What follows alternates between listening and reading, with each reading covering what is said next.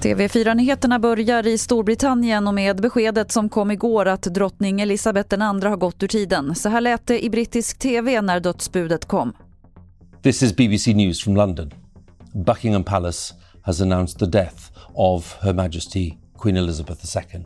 We have some very important news. Buckingham Palace has just announced that Her Majesty Queen Elizabeth II has died.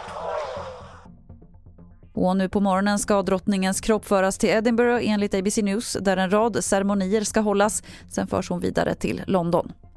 Polisen utreder ett misstänkt mord i Sundsvall efter att en svårt skadad man hittades i ett bostadsområde där igår kväll.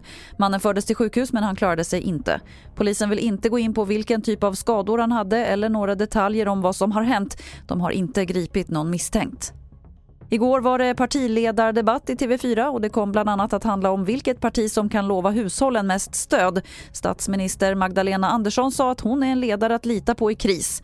KDs Ebba Busch sa att hennes sida av politiken inte tänker offra svenska folket på de rödgrönas altare. Och mer från partiledardebatten finns på tv4.se. Jag heter Lotta Wall.